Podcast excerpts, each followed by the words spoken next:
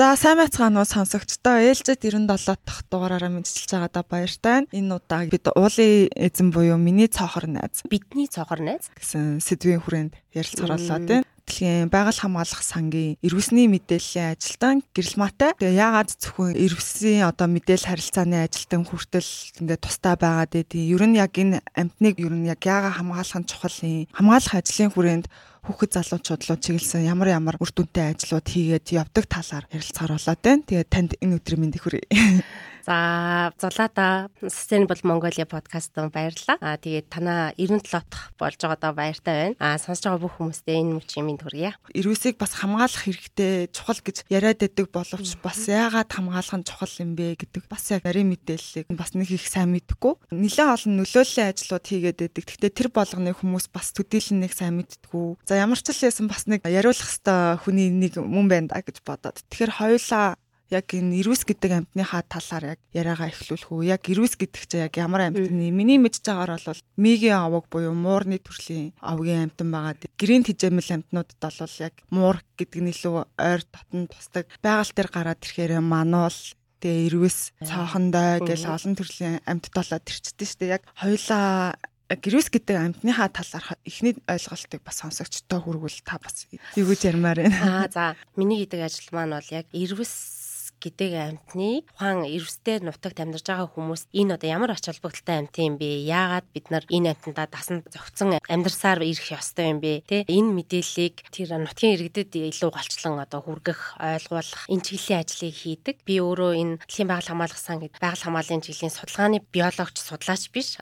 нийгмийн чиглэлийн ажил хийдэг юм хүн байгаа. Тэгэхээр би эрвэс гэдэг амьтныг бол би яг нөгөө биологийн талаас нь одоо тим үстэй, тэдэн энэ төр гэж ярихаасаа илүү би ирүүс гэдэг амтан чинь цаанаасаа нэг юм каризма байдгийн байна. Үнэхээр юм характертай амтан байна гэж би боддог байхгүй ирүүсийг. Одоо биологийн талаасаа бол өндөр уулын экосистемийн эрүүл одоо байгаагийн гэлтгэж байгаа тэр индикатор амтан гэж явдаг юм байлээ. Тэгээ энэ нь юу гэж байгаа юм гэхээр өндөр уулынхаа тэр экосистемд байгаа эд жижиглийн хэлхээний хамгийн одоо оргилтонд байж байгаа амтан. Энэ амтныг хамгааснараа тэр амтны эд жижигэл нь болдог одоо тэр хөхтөн амтан, мэрэгчд, сүүн жижигэлтэй амтан. За тэр сүүн жижигэлтэн олон мэрэгч амьтад төхтөн амьтны идж байгаа олон төрлийн ууланд байгаа ургамлыг бид нар хамгаалж байгаа. Тэгэхээр энэ шүхэр буюу тий энэ амьтны доор ингээд жижиглийн хэлхээнд нь орж байгаа тэр бүхэл бүтэн экосистемийг бид нар хамгаалж байна. А энэний өөрийнх нь одоо сахиус гэж ярих юм уу тий энэ уулын сахиус нь өөрөө цоохор ирвс юм байна. Тэгэхээр бид нар уулнаас тэр ирвсийг салгаж авчираад тий тусад нь ингээ хамгаалах биш. Тэр ууландаа тэр ирвс нь байх ёстой. Тэгээд тэр ууланд амьдарч байгаа хүн зон малчин иргэд тий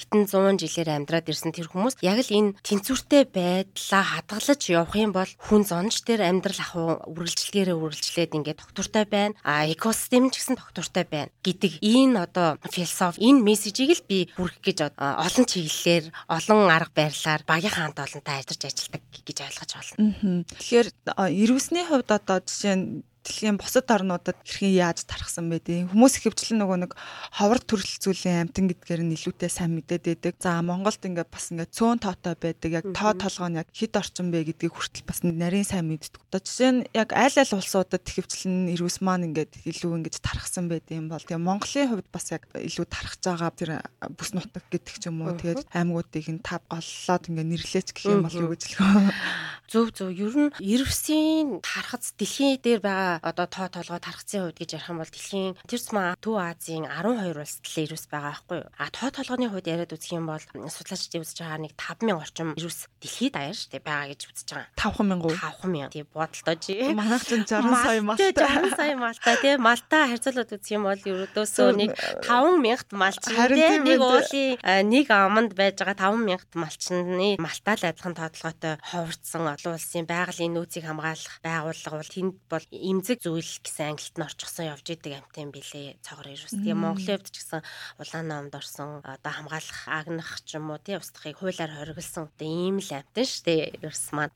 Аа Монголын хувьд цогор ирвс маань ер нь бол өндөрлөг улсаар л байгаа дээ. Манай Алтай улс байна өмнө говь тий тосон бомб гэдэг ирвстэй. Яг манай байгууллагын хувьд бол Алтай улсаар байх ирвсийн яг хамгааллын ажил дээр ингээд илүү төвлөрч Алтай соёны байгаа ирвсийн хамгаалал дээр ажиллаж байна. Манай байгууллагын хувьд бас энэ нөгөө саяны чиний хэлсэн асуусан дэлхийн 12 улсаас ялгарч байгаа одоо энэ амьтны хамгааллын чиг судалгааны чиглэлээр манлайлж байгаа ялгарч байгаа бас асуудал байна. Аа за.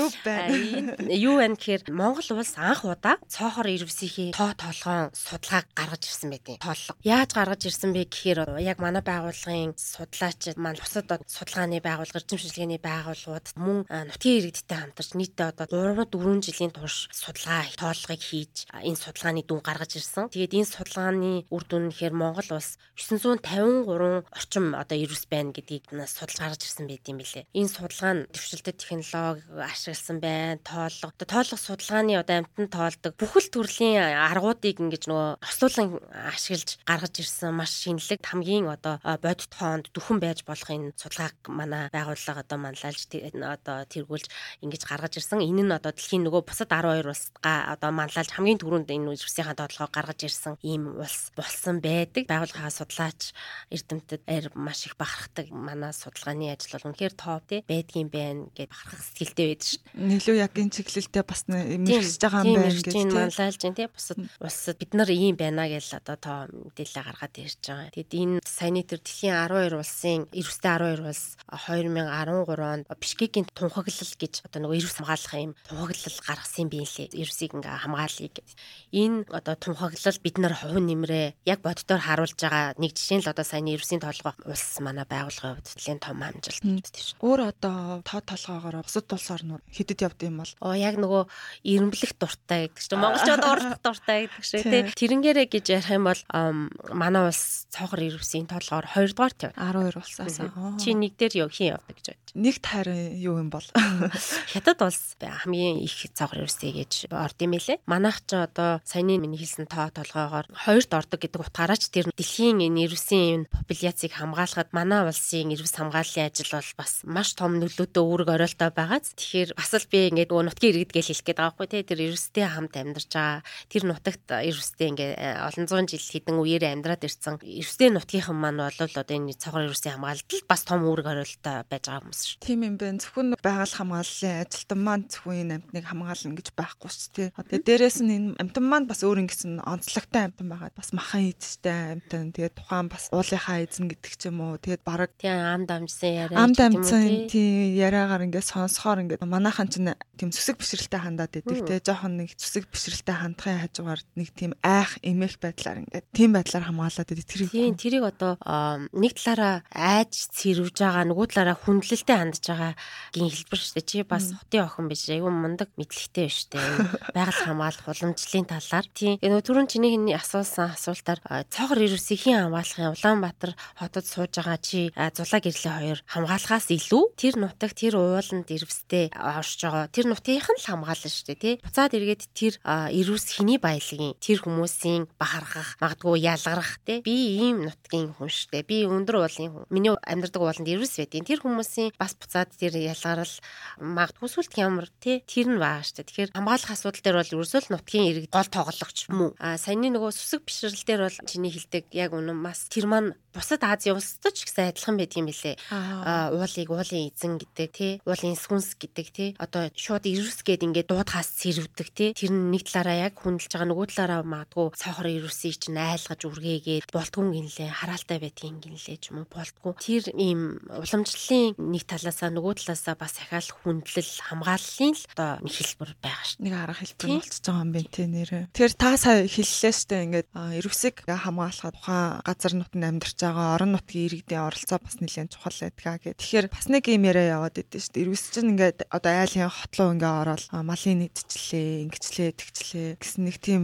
мэдээллүүд байгаад идэв дээ. Тэнгүүт одоо малчин өрх гэдэг ч юм уу малчин хүний зүгээс аваад үзэх юм бол мал нь ингээд төгчлээ, байхгүй болчлоо. Харин ч бүр ингээд хамгаалах биш бүр дургу болморч юм шиг заримдаа ингээ уурлаад буудсан тохиолдлууд хүртэл бас байгаад идэг. Тэгэхээр яг яаж бас илүү өөрөөрөлтөөр оролцох юм бол энийг орон нутагт байгаа иргэдэд малчтад энэ талаарх ойлголт мэдээллийг яг яаж хүргүүл илүү ойлгохтой юм бол? Тийм үнэн үнэн ер нь бол тэр ирвс чи өөрөө махчин амтан тэр ууланд өөрийнхөө идэж тижэл болдог амьтдтайгаа ингээ байж байгаа. Малчд мал бас байна. Тэгээд төсөөлөд үзье л да тий. Чи ингээд ирвс байла. Чиний барьж иддэг аргал тэнд нэг 5 аргал энд нэг таруу янгэр те таруу байла. Аа тэгээд чиний тэр байж байгаа ууланд чинь би мянгат малтаага нүгэд очлоо. Тэ би мянгат маллаа хариулаад тэр чиний нөгөө амьдардаг уул асгаар чинь хашигчж гуаглал ингээл аа бэлчээрлэл явж штэ тий. Тэгэнгүүт нөгөө аргал янгэр чинь хөрхийн амтан зутаад алга болчихно үсттэй хончин гэрэл магаас чинь. Тэгэхээр нөгөө ирвс чинь идс хижээл байгаа идс хижээлээ хайгаад тий явж итэл тэнд нэг хөрхөн хонь ямаа ингээд номхон тий мянга мянгаараа байж ахаар чинь тэндээс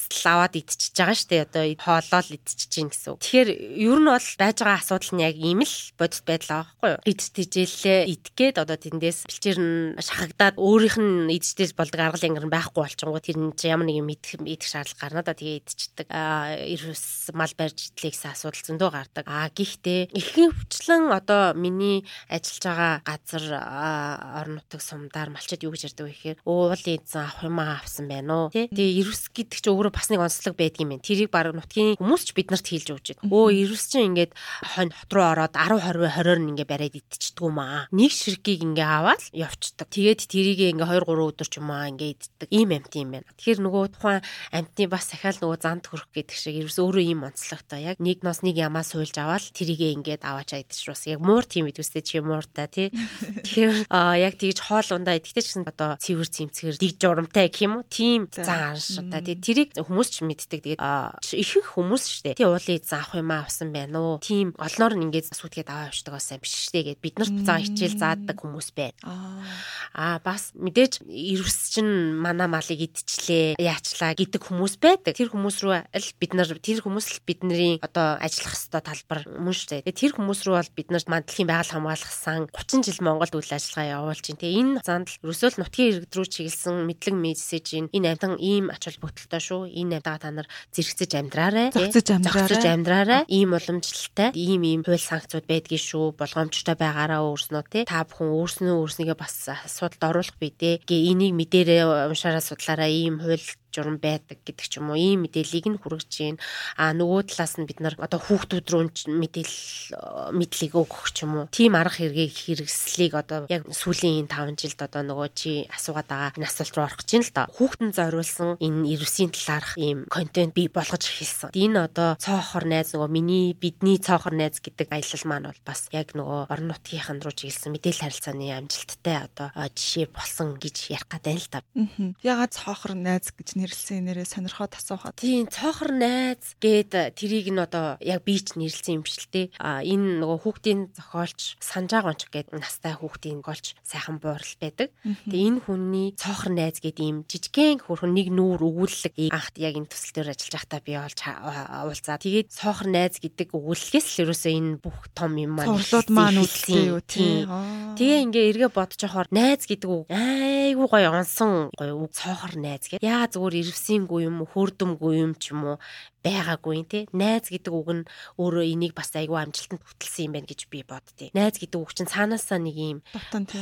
Яг миний миний найз тий. Найз гэхээр нэг юм холбоотой нандин тий. Ийм үг юм бэлээ. Тэгээ найз гэдэг энэ үг бас их гоё үг байсан юм байна да гэж би боддог байхгүй юу. Тэгээд энэ цоохор найз маань тэр бяцхан өгүүлэг маань таны чамд үзүүлсэн юм таван цуврал комик ном болсон тий номноосоо бид нар 3 ангитай хүүхдийн анимашн кино гаргасан. Тийм энэ бол сүүлийн жилүүдэд хийж байгаа яг цохор ирсэн хүүхдүүдэд чиглэсэн юм тэл харилцааны нэлээд том ажил болсон гэж хэлж болно. Одоо 5 цоврал ном 3 одоо анимашн хийгдсэн байгаа штэ. Яг монгол хэл дээр хийгдсэн үү? Бас үргэлжлээд энэ маань ингээд бас нэг сайн жишээ болсон. Үргэлжлээд энэ маань бусад одоо байгаль хамгааллын төслүүдийн хувьд бас ингээд нэлээд яригддаг сайн жишээ болсон гэж сонссон. Энэ талаар та бас яриач. Тийм нөгөө сайн жишээ сайн жишээ гээд байгаа нь юун сайн бэ Харин яг юун сайн юун сайн болсон бэ гэдгийг хүмүүсийн ярьж байгаа бодит жишээг би хэлье гэж бодлоо л та сая. Нэг ийм жишээ. За ер нь бол ийм болж байгаа. Анх ямар асуудал байдаг вэ гэдээ ярахаар ер нь хөдөөний хүмүүс ч тэр яг нөгөө бага насны хүүхдүүдтэй одоо бага ангийн хүүхдүүдтэй хэм одоо энэ комик ном унших насны хүүхдүүдтэй яг ийм гоё хүүхдийн насанд нь тохирсон өнгөлөг ингээд нэг салмааргүй ийм гоё ном хүүхдүүдэд яг зорж аваачаал ингээд өгдгөн байна да Улаанбаатараас одоо 1000 хэдэн зуун километрийн цаанал сууж байгаа ингээд малчин айлын хүүхдүүд байгаа дээ тий биднэрт бол яг тийм гоё ном байдгүй юм байна. Ерөөсө сурах бичгээс өөр тийм нэг уншаад ингээд харах ном байдгүй юм байна гэд. Тэгээд анх ийм гоё ном хийвэл зүгээр юм байна гэж санаа угаасаа зориг орж ирсэн л тээ. Тэгээд ийм жишээ надад манай ховдын салбарын менежер ихч маань ярьж хэлж өгсөн байхгүй юу? Ерөөсө хийлд орохгүй байсан гинэ нэг айлын хүүхд. Тэгээд баг сургуульд орсон ч байсан юм уу? Ямарсан эцэгхэн санаа зовоод байсан. Тэгээд тэр үед яг нөгөө манай цоохор найзыг ингээ аваачуд хараацсан. Тэр айлд одоо цоохор найз сурал номууд очсон байсан. Ээж нь одоо тасралтгүй зуны туршил одоо нөгөө цоохор найзыг ингээ хүүхдтэй уншиж өгсөн юм байна л та. Тэгсэн чинь хүүхд нь хилд орсон гэж байгаа байхгүй. Тэгээ тэр ээжийн яриаг сонсоод надад бүр маш гоё санагдчихсэн. Тэгээд нөгөө талаараа бас бид нар хүүхдтэйгээ ингээл харьцахгүй хүүхдтэй харьцахын тулд нэг гүүр байх хэрэгтэй юм байна. Тэр нь ном байдгийн байна ч гэдэг юм уу тий. Ном уншаад өгөөд ахаар хүүхд чинь өөрөө цаанаасаа нөгөө үг яриаг ингээ аваад хилд ордог юм байна. Гэт тэрэндээс бас их гоё урам уужсэн. А тэгээд баруун аймагуудаар ч юм уу манай энэ цохор найзыг чинь 10 мянган хувь хийвэл нэг номын л нэг сурлын л 10 мянган хувь хийвэлсэн баг. 50 мянган хувь хийвэлсэн. Тийм 50 мянган шиг ном одоо дээрвстэй нутгийн хүүхдүүдийн гар дээр л очсон гэсэн үг.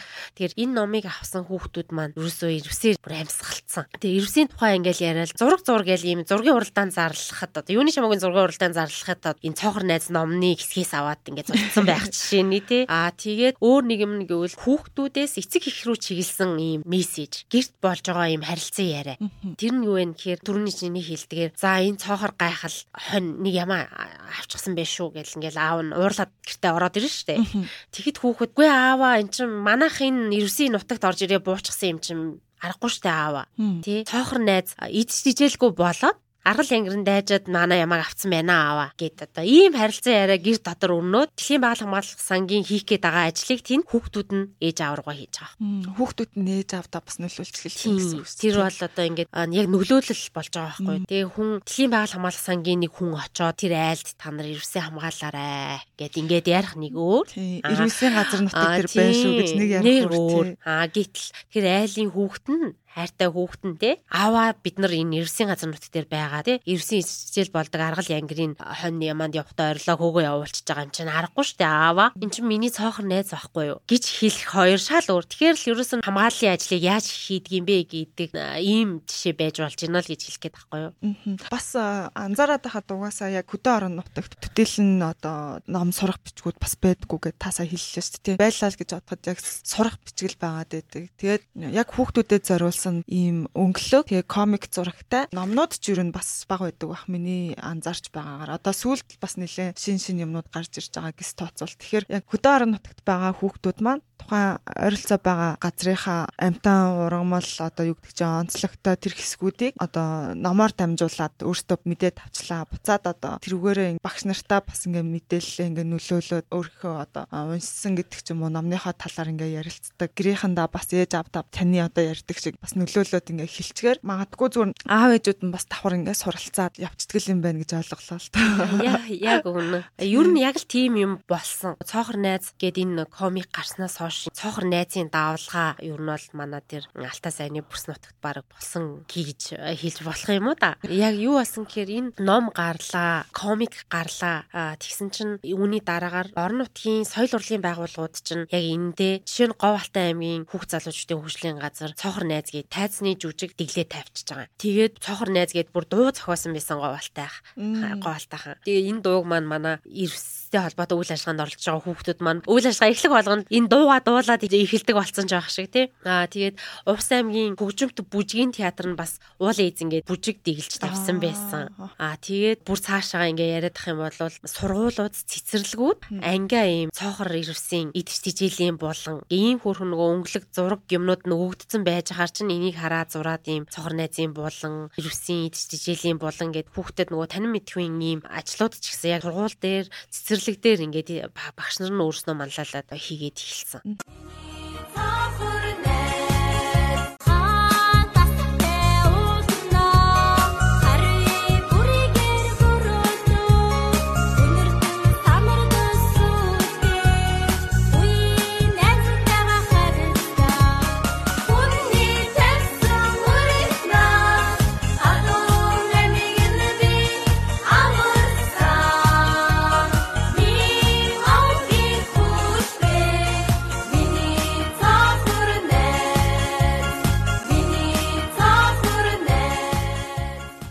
Сая таны ярьсныг бас ингээд бодоод сууж байгаад ингээд яг тухайн бүс нутагт байгаа сургууль, цэцэрлэг тэнд одоо амьдарч байгаа хүмүүс маань хүртэл та эдийн хийж байгаа нөлөөллийн ажлыг нэлээд сайн мэддэг болцсон. Тэгээд бас тэрүүгээрээ нэлээд урлаг, уран сайхны бүтээл хүртэл туурвцсан байгааг бас сонсох аюу таатай юм л та. Тэгээд миний хувьд бол яг эрүүс хамгааллын ажлын талаар бол анх Улаанбаатар хотод байрладаг нөгөө автобусны буудлууд дээр эрүүсний банерууд бас нэлээд гарцсан байсан шүү дээ. Тэгэхэд бас анзаарч эхэлсэн. Яагаад вэ тэгэхээр зэрэг ингээд хүн болгоны явдаг газрууд дээр ингээд гинт ингээд эрүүсний бас ингээд хамгаалах шаардлагатай амтны төрөл зүйл гоё зураг гараад ирсэн чинь бас хүн анхаарч харж гэлтгэл юм байлээ л дээ. Тэнгүүтээ аа нэрээ эднийхэн чинь яг ийм ажил хийдэм байж тээ гэх юм байгуулах хамгаалах сангийн логог хараад эрүүсийг нь харчин гутаа бас багч гэлтэхгүй зүгээр л нөгөө үзэгдэх орчинд ингээд ямар нэгэн текст мэдээгүйгээр ингээд зургаар бас хүмүүс бас нөлөөлж болдгийн жишээг олвол би хотод байж байхдаа анзаарч исэн. Дараа нь сүүлд яг энэ хүүхдүүдэд зориулсан энэ одоо комик цуврал намууд гарцсан. Тэгээ сая танаас бүр дахиад ингээ анимашн болцсныг сонсоод нилээн ингээ энэ чиглэлээр одоо тустай ажиллаж байгаа. Бас миний хувьд амар гой санагдаж байна л та. Тий. Ялангуяа ингээ таньдаг хүн яг ингээ хийгээд яваад ан бас илүү нөлөөлдөг гэдэг ч юм уу тий. Нэг тийг санагдаж байна. Одоо жишээ нь миний хувьд би бас 10 жил тахта ногоон гоёл гэдэг ногоон бүч зүүчдэг. Нөгөө пионерын улаан гэдэг шиг тийм ногоон бүч зүүгээд тэгэд сургууль орчмынхаа тэр хогийг хогийн самд нь хийх. Тэгээд цэцэг ногоо тарж ургуулах, хаягдал сонин сэтгүүлүүд цоглуулах ажил гэл нэг тиймэрхүү зүйлүүд хийдэг байсан юм. Яг тэрийгэ дагж авч байгаа одоо яг илүү хүрээлэн боо орчин, байгаль орчин, доктортой хөгжлийн чиглэл рүү өөрөө өөрийн мэдлэггүй яваад харсан л хэлээ л дээ. Тэгэхээр та хэдийн ажил бас яг эко клуб байгаа, тэнд байгаа сурагчдад бас нэлээд сайн нөлөөлж байгаа гэж би тэгж бодоод байна. Тийм шүү дээ. Яг одоо ийм байгаль хамгаалах ёстой байна, ийм ач холбогдолтой байна гэдэг ийм бодлын үрийг, ийм үзэл санааны үрийг л энэ эко клубын хүүхдүүдэд бид нар тарьж суулгаж өгч байгаа шүү. Тэгээд буцаж эргээд харангуут хүүхдүүд маань биднэрт буцаагаад хичээл заагаад өгдөн шүү. Яаж хичээл заах вэ? Уул хүүхдүүдэд та хичээл байгаа үстэй. Лаг одоо гаднаас нь харахад те нэг лаг э, байгуулгын хүмүүс тэр хүүхдүүдэд ингээд юм заагаал ингээд яваад байгаа юм шиг хэрнээ яг чин үнэндээ бол бид нар эко клубийнхаа хүүхдүүдээс одоо ингээд сураад тэднээсээ мотивац аваад тэднээсээ санаагийн аваад ингээд явж идэг болсон шүү. Тэгээ тэрний жишээ нь яг энэ эко клубын хүүхдүүдийн хийдэг ажил. За нөгөө Ирвсийн баяр гээд эко клубын хүүхдүүд маань оролцдог. Ирвс хамгаалах том ажил л та энэ жил бүрийн 10 сарын 23-нд олон улсын ирвс хамгаалах өдөр гэж Брүний ярьсан Бишкекийн тунгалахаар энэ өдрийг тэмдэглэе гэж тохирсон юм байлээ. Тэгээд 13 оноос хойш энэ ирвсийн баяр буюу ирвс хамгаалах өдрийг одоо 10 дахь жилдээ энэ жил сая өнгөрсөн 10 сарын 23-нд тэмдэглэлж өнгөрүүллээ. Тэгээд энэ 10 сарын 23-нд болсон Ирүсийн баяраас хүүхдүүдээсээ юм сураал ирж байгаа юм чинь. Нь Инжлийн Ирүсийн баяр дээр манай хүүхдүүд ингэж ярьж байна. Ирүсийг хамгаалахад экосистемийн нөгөө мөнх цастаа уулсыг ин уур амьсгалын өөрчлөлтийг нь судлах хэрэгтэй юм байна. Дэлхийн дулаар л миний нутагт миний амьдарч байгаа энэ ууланд яаж нөлөөлөд байгаа юм бэ гэдгийг судлаа. 10 жилийн хүүхдүүд тий. Яаж судалж байгаа юм гэсэн чинь аймгийнхаа цаг уур орчны шинжилгээний хүрээлэнгийн мөрслөг хариуцсан мэрэгчлэлтэн хүн байдаг юм байна. Тэр хүнийг дуудаж авчираад "Хей, манай энэ цагаан шувууд уулна. Манай энэ сайр уулна. Дэлхийн дулаар л яаж яваад байна яриад өгч. Тэгээд тэр яг мөрслөгийн судалгаа хийж байгаа хүмүүс чинь нүдэнд харагдтал яг өөрснөө судалгааг ярьж өгч байгаа юм чинь. За энэ уулна энэ жил 1.5 см-аар ингээд тайллаа. Мөс нь нэмгэрлээ. Энэ судалгааг нь хүүхдүүдэд хилээд өнгөт. За энэний эсрэг энэтэй бид нар дасан зохицоход юу хийж болох вэ? Гэт ингээд аймаг аймагаараа нэг групп болж ажиллаад ажлын төлөвлөгөө гаргаад ирж байгаа. Эко клубын хүүхдүүд. Тийм, Ерөөсийн байрд оролцогч хүүхдлаа байгаа. Тэгээд эднээс чинь сураад аа ингэх хэвээр юм байна. Ийм ажил хийх хэвээр байна гэд бид нар сурдаг. Энийний бас нэг жишээ нь тэр авахгүй ууланд хамаг амтан жаргалтай гэдэг. Тэр бол бүр 2016 онд манай эко клубын сурагчдын санаачилсан ажил штэ. Яагаад ихсэн бэ гэсэн чинь манай байгууллагын тавьсан автомат камерт бичигдсэн тийм аваханд орсон ерөсний зургийг харсан маань хүүхдүүд. Аваханд орчихсон гэдэг чинь нөгөө доглоод одоо тэр нөгөө хавчсан тэр хүлэн шууд тасраад ундгийн байна л та. Тэгээд авчин амтан чинь нөгөө аргал янграа барьж идэх тийм байгаа зү. Тэгэхээр дөрвөн биш гурван хүлтэй болчоор яах вэ? Тий өсөө төлбөрүүд. Тэр асуудал яг хүүхдүүдийн зүрхэнд тест үнэхээр тогшсон байгаа байхгүй юу? Хамаг юм ин. Тэгээд тэр хүүхдүүд маань авахгүй ууланд хамаг амтан жаргалтай гэдэг аяныг эхлүүлсэн. Энэ аян маань зөвхөн тэр нөгөө сайн яриад байгаа бүс нутагт маань болоод өнгөрчөөгөө бүр үндэсний хэмжээний том аян болсон. Байгаль орчны яам, нийслэлийн байгаль орчны газрууд хүртэл энэ Улаанбаатарын орчимд одоо авахгүй байлга гэдэг аяныг хүртэл өрнүүлжсэн. Тэгээд авахаа цуглуулж авъя авахных нь оронд тэр бүр ийм том кампайн гаргаж ирээ тий авахыг цуглуулж авъя авахных нь оронд тэр айлт хэрэгтэй юм буцааж өгье гэдэг. Одоо хувингарч гэдэг юм уу тий? Солио цуглуулсан авахаараа буцаагаад уран бүтээл хийсэн бид ш. Байгаль орчны яамн дээр бид нар аваач тэр дөрвөн гуймтэй ийм ирвсний авахар хийсэн хөшөөг тавьж байсан. Одоо цэнгэг хусан дээр байгаа бах. Цэнгэг хусны газар. Ховд аймгийн төвд бас э, том хөшөө, ирвсний тэр хөшөө байгаа. Авахар хийсэн. Авахар хийсэн хөшөө. Тэр хүүхдүүдийн цугалсан 1000 гаруй 1400 500 авахыг цуглуулад бүгдийг ингээд тастаа тэр нөгөө жижиг ид ангуудыг нийлүүлээд тийм дархан хүн ирвс болгоод ингээд хөшөө болгоод тэгэд энэ нь одоо яг бодит бит ийм нөлөөллийн ийм хөшөө болж иж байгаа. Судалгаа авахгүй нэг хавх нь одоо жил 10 амтны аим тасддаг. Тэгэхээр 1500 хавх хурааж аавна гэдэг чинь хичнээн амтан үхээс хамгаалсан. Тэгээ ийм ажил хийгдсэн байдаг. Тэгээд одоо энэ авахны аян ч гэсэн тийм 16-нд санаачилсан хүүхдүүд ч одоо яг чам шиг чиний үеийн залуучууд байгаа байхгүй юу. Гэтэл дүүнер нь нөгөө ажлыг чинь үргэлжлүүлээд л явж байна. Энэ жил Баяуулгийн аймагт бахахгүй Баяуулгий гээд хүүхдүүд нь сурвалжлага хийгээд аймгийнхаа захаар яваад хавх зарж байгаа хүн байвал энийг чинь зарж болохгүй ийм ийм хор уршигтай гэд нөгөө хүн тайлбарлаж өгөөд нөгөө хүн бүр уяраад боли одоо чи минь би ийм ажил хийхгүйгээд хавхаа зархаа болдог ч юм уу. Хүүхдүүд маань санаачлаад энэ хавх гэдэг юмыг бити хийгээч Монгол улсын хэлээр бити оруулж ирээч гэд аян хүртэл хийгээд одоо тэр хориглох зүйлсийн жагсаалтанд оруулаад өгөөч гэд ингээд хүүхдүүд алтан бичиг бариад ингээд явж байгаа. Тэгэхээр буцаа дахиад бид нар хүүхдүүдээ лаг юм хийгээд байгаа юм биш. Хүүхдүүд маань буцаад биднэрт маш их зүйлийг өгч. Эргээд нөгөө өөрсдийнхөө амьдарч байгаа орон нутаг аав ээжтэй, найзуудтай, багш нартаа буцаад нөгөө хүүхдүүд чинь өөрснөө сурсан мэдсэн энэ зүйлүүдийг ярьж хийлж өгөөд ингээд илч төлөөлөгч, нөлөөлөгч болоод нөгөө инфлюенсер болоод явж байгаа байхгүй юу. Хүүхдүүд өөрснөө маш их хөгждөг. Энэ хүүхдийн оролцооны байгууллагууд ч юм бол хүүхдүүдийг маш мундаг болгож байгаа шүү дээ. Тэгээд энэ байгаль хамгаалах сэтгэлийн одоо яг л ийм чамшигл цаашлал ямар ч багш хүн болд юм уу, дуучин болд юм уу. Ийм л санаа баримталтай хүн болж ийн гэсэн үг шүү дээ. Ингээд ярьсан чинь та эдийн ирвэсний мэдээллийг илүү олон хүмүүст хүргэе. Бас энэ амьтныг хамгаалъя, хайрлая та хэдий хийж байгаа нөлөөллийн ажлуудын гол үр дүн нь саяныхан болов гэж би бодож байна л та. Зөвхөн нөгөө нэг хүүхдүүд өөрсдөө тэрийг хийцэн биш та хэд бас тэр хүүхдүүдэд бас хийх сэтлийг нь төрүүлсэн байна. Чиглэлийг нь бас төхүүлж өгсөн байна. Тэгээд бодонгууд яг л ингээд илүү үр дүнтэй ажил болцсон байгаа нь бас ингээд миний хувьд ингээд гоё харагдаж байгаа юм шиг санагдаж байна л та. Гол нь одоо миний бас ингээд одоо асуумаар санагдаад исэн бүх зүйлсүүдийг та бас өөрөө ингээд ярьчлаа л та. Сугаагаа.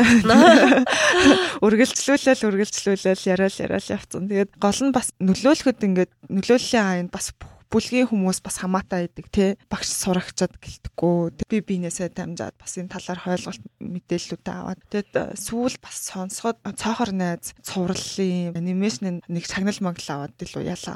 Э, яг шагнал аваагүй л дээ. Манай соёлын яамнаас зохион байгуулдаг мөнгөн мод гээд уран бүтээлийн шагнал гардуулах а юу цохор найз? Манай уулын эзэнгээд шинжилгээний баримтат кино байдаг байхгүй хоёр кино маань хоёлоо нэр дэвшсэн юм одоо зөндөө олон уран бүтээл одоо 200 гаруй уран бүтээл юм байна л да. Тэндээс шалгаруулад одоо төрөл бүр дээр нь одоо уран бүтээлчийг уурсан тэнд одоо манай хоёр бүтээл хоёлоо нэр дэвшсэн бид хэд ч одоо нөгөө байгаль хамгааллын байгууллага байж ээж те. А уран бүтээлийг одоо продюсер болоод явж байгаа нь ахаал нөгөө одоо мэдээлэл харилцааныхаа арга хэрэгслийг хүмүүсийн үзэж байгаа харж байгаа юмд хөрөнгө оруулах хэрэгтэй юм байна гэж үзэж байгаа магадгүй манай байгууллагын удирдлагуудын тэр алсын хараа гэж би бас бодож байгаа байхгүй түүнээс те. Судалгааны байгууллага гэж яагаад ийм ажил хийх ёстой гэж одоо энэ нэгээр дамжуулаад энэ мэдээллийг хүргэх ёстой байна гэж харж тэрийг зөвшөөрч гэх юм уу те одоо төсвийн баталж явж байгаа удирдлагууд тэр хүмүүсийн алсын хараал гэж хэлмээр байна л да. Тэгэхээр цоохор найз ном тэгээд энэ анимашныг ханаас яаж холбогдож авч уншиж болох вэ, үзэж болох вэ гэж бас хүмүүс бодож иж магадгүй. Тийм энэ талаар гурван цуврал анимашн маань англи хэл дээр, монгол хэл дээр, дохионы хэл дээр орчуулгатаагаар манай байгууллагын YouTube хуудсан дээр байршиж байгаа. Тэнэс үзэх боломжтой байгаа. А бас дээдэш Univision-ы э, видеос байх учиртай. Үнгүү үзэхээр. А номууд маань бол манай вебсайтаас ороод софтвер авч болно. А маш зүүн хувь бол манай reception дээрээс бас авах боломжтой. Ингээл баруун аймаг руу гаргаал ачаал явуулаад тэндээ тараад гэсэн. Тэгэхээр манай эрдэстэй нутагт амьдарч байгаа хүмүүс манай азтай байгаас тээ. Тэгээд цуврал гарахаас гадна бусад улс орнуудын хувьд бас нэлээд дэжгүй сайн жишээ болцсон гэж би сонссон байхгүй юу. Яг комик маань зөвхөн Монгол эрүүс хамгаалдаг бүс нутгийн хүүхдүүдэд тараагдаад чос гадна та эдээс бас ингээд эрүүс хамгааллын чиглэлээр үйл ажиллагаа явуулдаг газрууд туршлага судлаад цуврал бүтээлүүдийг бас өөрсдийн хил дээр гаргасан гэж сонссон энэ талаар. Тийм. Аа цохор найз маань англи, а казак, орс хэл дээр хэвлэгдсэн. А тэгээд Орсын WWF маань цохогчийн нөгөө оюуных нь жишээ гэрээгээр аваад одоо орс хэл дээр хэвлүүлээд гарсан гэсэн.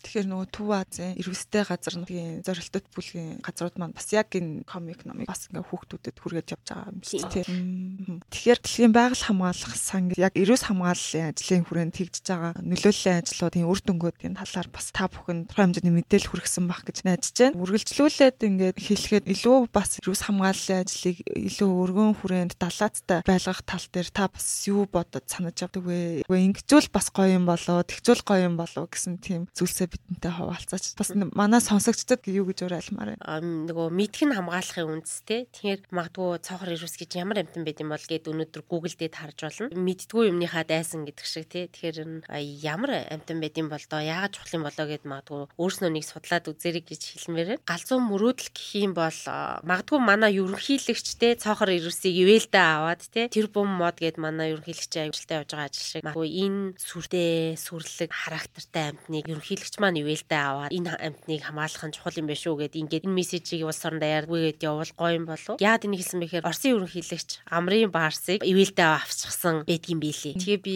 яагаад юм байж болохгүй гэж гэж бодсон. Ивэлдэ авцсан гэхээр одоо бодвол далаацтай том ажил хийхийг бол ерөнхийлөгч хийх ажлын төлгөөнд орцсон л явж идэг гэсэн. Нэрээ бас байж болох юм тий.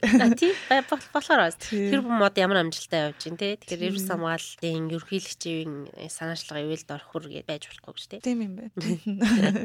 За за. Тэгэхээр энэ удаагийн дугаараар дэлхийн байгаль хамгаалах сангийн хүрээнд сүүлийн 30-аад жил яг энэ эрс хамгааллын чиглэлээр олон нийтэд мэдлэг мэдээлэл хүргэх мэдээлэл харилцааны чиглэлээр ямар ямар ажлууд хийгээд санаачлаад бодит үр дүнд хүрсэн ажлуудын талаар бас ойлголт мэдээлэлтэй болсон байх гэж найдаж байна. Энэ удаагийн дугаарт дэлхийн байгаль хамгаалах сангийн мэдээлэл харилцааны ажилтан гэрэл матай ярилцлаа. Цаг заваа гаргаад хийсэн ажлуудынхаа үр дүнгийн талаар бидэнтэй хуваалцсанд маш их. Баярлалаа.